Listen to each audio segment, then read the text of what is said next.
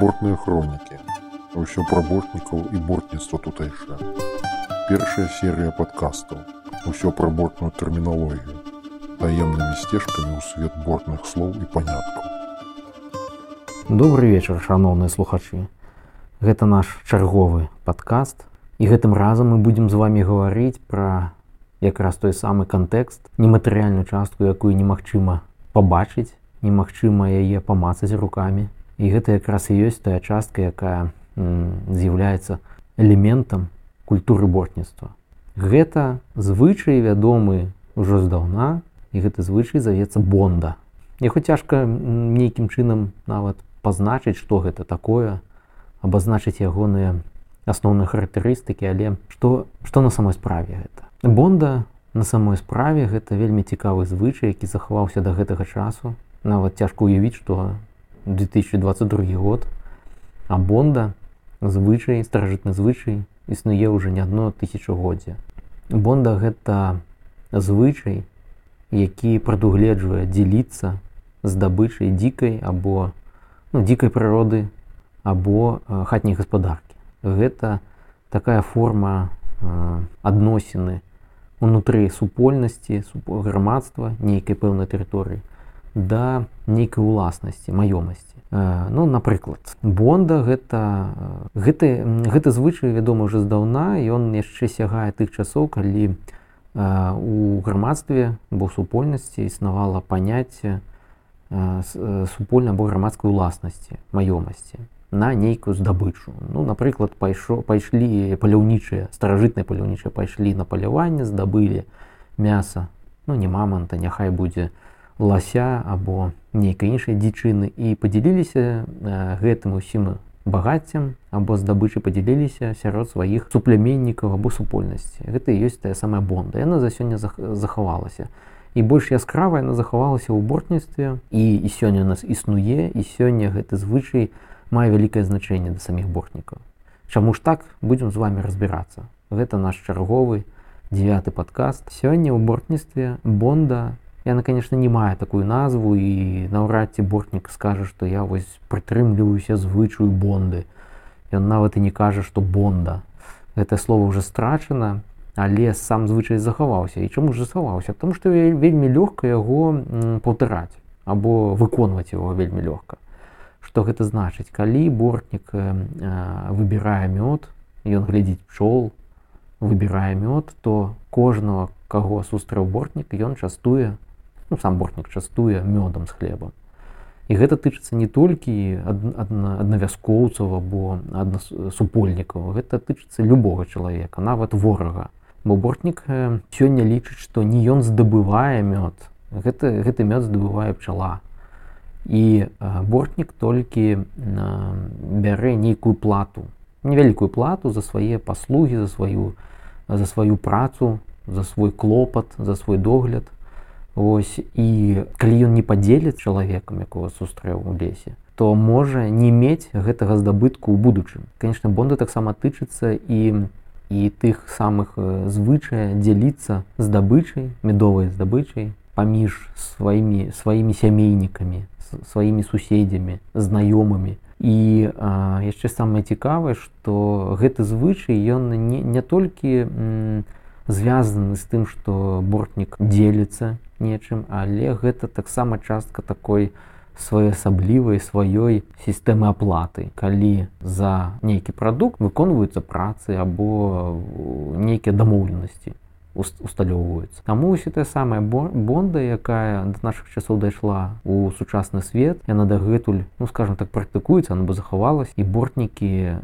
гэта ўспрымаюць не не просто як нейкая напісана інструкцыя што яны павінны. Гэта ў іх скажем так усярэдзіне у кожным чалавеку кожным бортнікі бортніку ён не, не мае іншай думкі або іншых э, э, не іншай праграмы паводзіну як не падзяліцца ну вот нават э, памятаючы 2000 яшчэ 2014 год калі мы якраз з маім настаўнікам даглядалі глядзелі пчол якраз мы здабывалі той самы мёд і сустрэлі па дарозе ну скажем так гэта не сябра не не сусед не знаёмы не не родзіш не сваяк. Гэта чалавек які ў звычайным супольным як бы жыцці супольнасці ён ён не з'яўляецца канешне ворагам але яго і не лічыць свай за свайго. Але ўсё роўна бортнік мой настаўнік які мяне не вучыў ён мне толькі паказваў па сутнасці звычай так і перадаецца і укараняецца у новым бортніку у, у вучні. Ён проста яго паймаў за руку і кажа хадзі сюды я не, не памятаю уже дакладна як звалі таго дядзьку ну завем яго михаил няхай будзе так. Я кажа хадзі сюды михаил вось табе кавалак мёду вось хлеба пачастуйся і калі б чалавек адказаў то гэта было бы ну я не ведаю. Мне, мне здавалася чтобы просто сілком бы заставіў Васіль з'есці той кавалак мёду з хлебам але конечно чалавек не адмаўляе ён тоже разумее что таксама разумее что гэта незвычайны незвычайны пачастунак гэта неабходна выканаць усе усе умовы. Ось. І ўжо пасля пасля 14 -го года у наступныя гады навучання і вось гэтага укаранення і засваення практык бортных практык то сучасныя ж бортныя практыкі не адзін раз бачыў бачыў і удзельнічаў сам што падзяліцца абавязкова падзяліцца. З любым чалавекам якога не толькі сустрэнеш па дарозе але і прыехаўшы да хаты. Калі прыехаў да хаты ўжо скажем так той здабытак размяркоўваеш то абавязкова дзелішся. Прыйшоў сусед просто прыйшоў па сваіх справах. Зайшоў у хату то ўжо все ты ему уже даеш кавалак таго мёду няхай паспрабуе нават з сабою можа з сабойку невялікую каб палічыцца як як кажуць палікавацца. Гэта дзіўны дзіўны звычай бо да гэтага часу калі я прыязджаю да свайго настаўніка я разам з ім там удзельнічаю нейкай працы яго і да гэтага часа няма ніякіх іншых варыянтаў. Гэта звычай настолькі цес цесна звязаны з самой супольнасцю чалавекам бортнікам ён звязаны з самой з'явай бортніцтва што кожны раз папрацаваўшы настаўнік аддае частку здабытага мёду аддае свайму вучню. Сама бонда гэта і з аднаго боку мае ну не, не толькі она звязаная з бортніцтвам бо гэта все ж таки звычай які як тычыцца увогуле стасункаў у супольнасці ў грамадстве. Ён звязаны з такім же самым з'явай калі забіваюць кабанат таксама дзеліцца паміж суседзямі. Калі сыходзіць з нейкіх там эканамічных сацыяльных функцый то гэта не гэты звычай звязаны з пераразмеркаваннем здабытага ресурса нейкага харчового ресурса в асноўным. Бо калі стражытныя паляўнічыя я пра паляўнічых або рыбакоў калі здабываюць зашмат рыбы то яна можа сапсавацца таму гэта не ну няшчадна і не экалагічна калі на сённяшнюю мову будзем перакладаць гэтую з'яву. Таму здабытыя лішкі яны дзяліліся паміж сваімі паміж суседзямі паміж знаёмымі.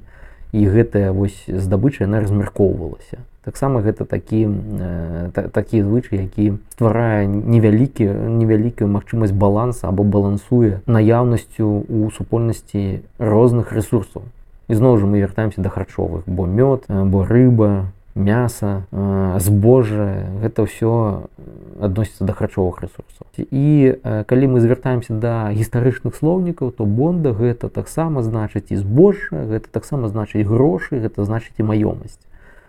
Ізноў жа гэта значыць што нейкі ресурс ён выкарыстоўваецца ў якасці вось таких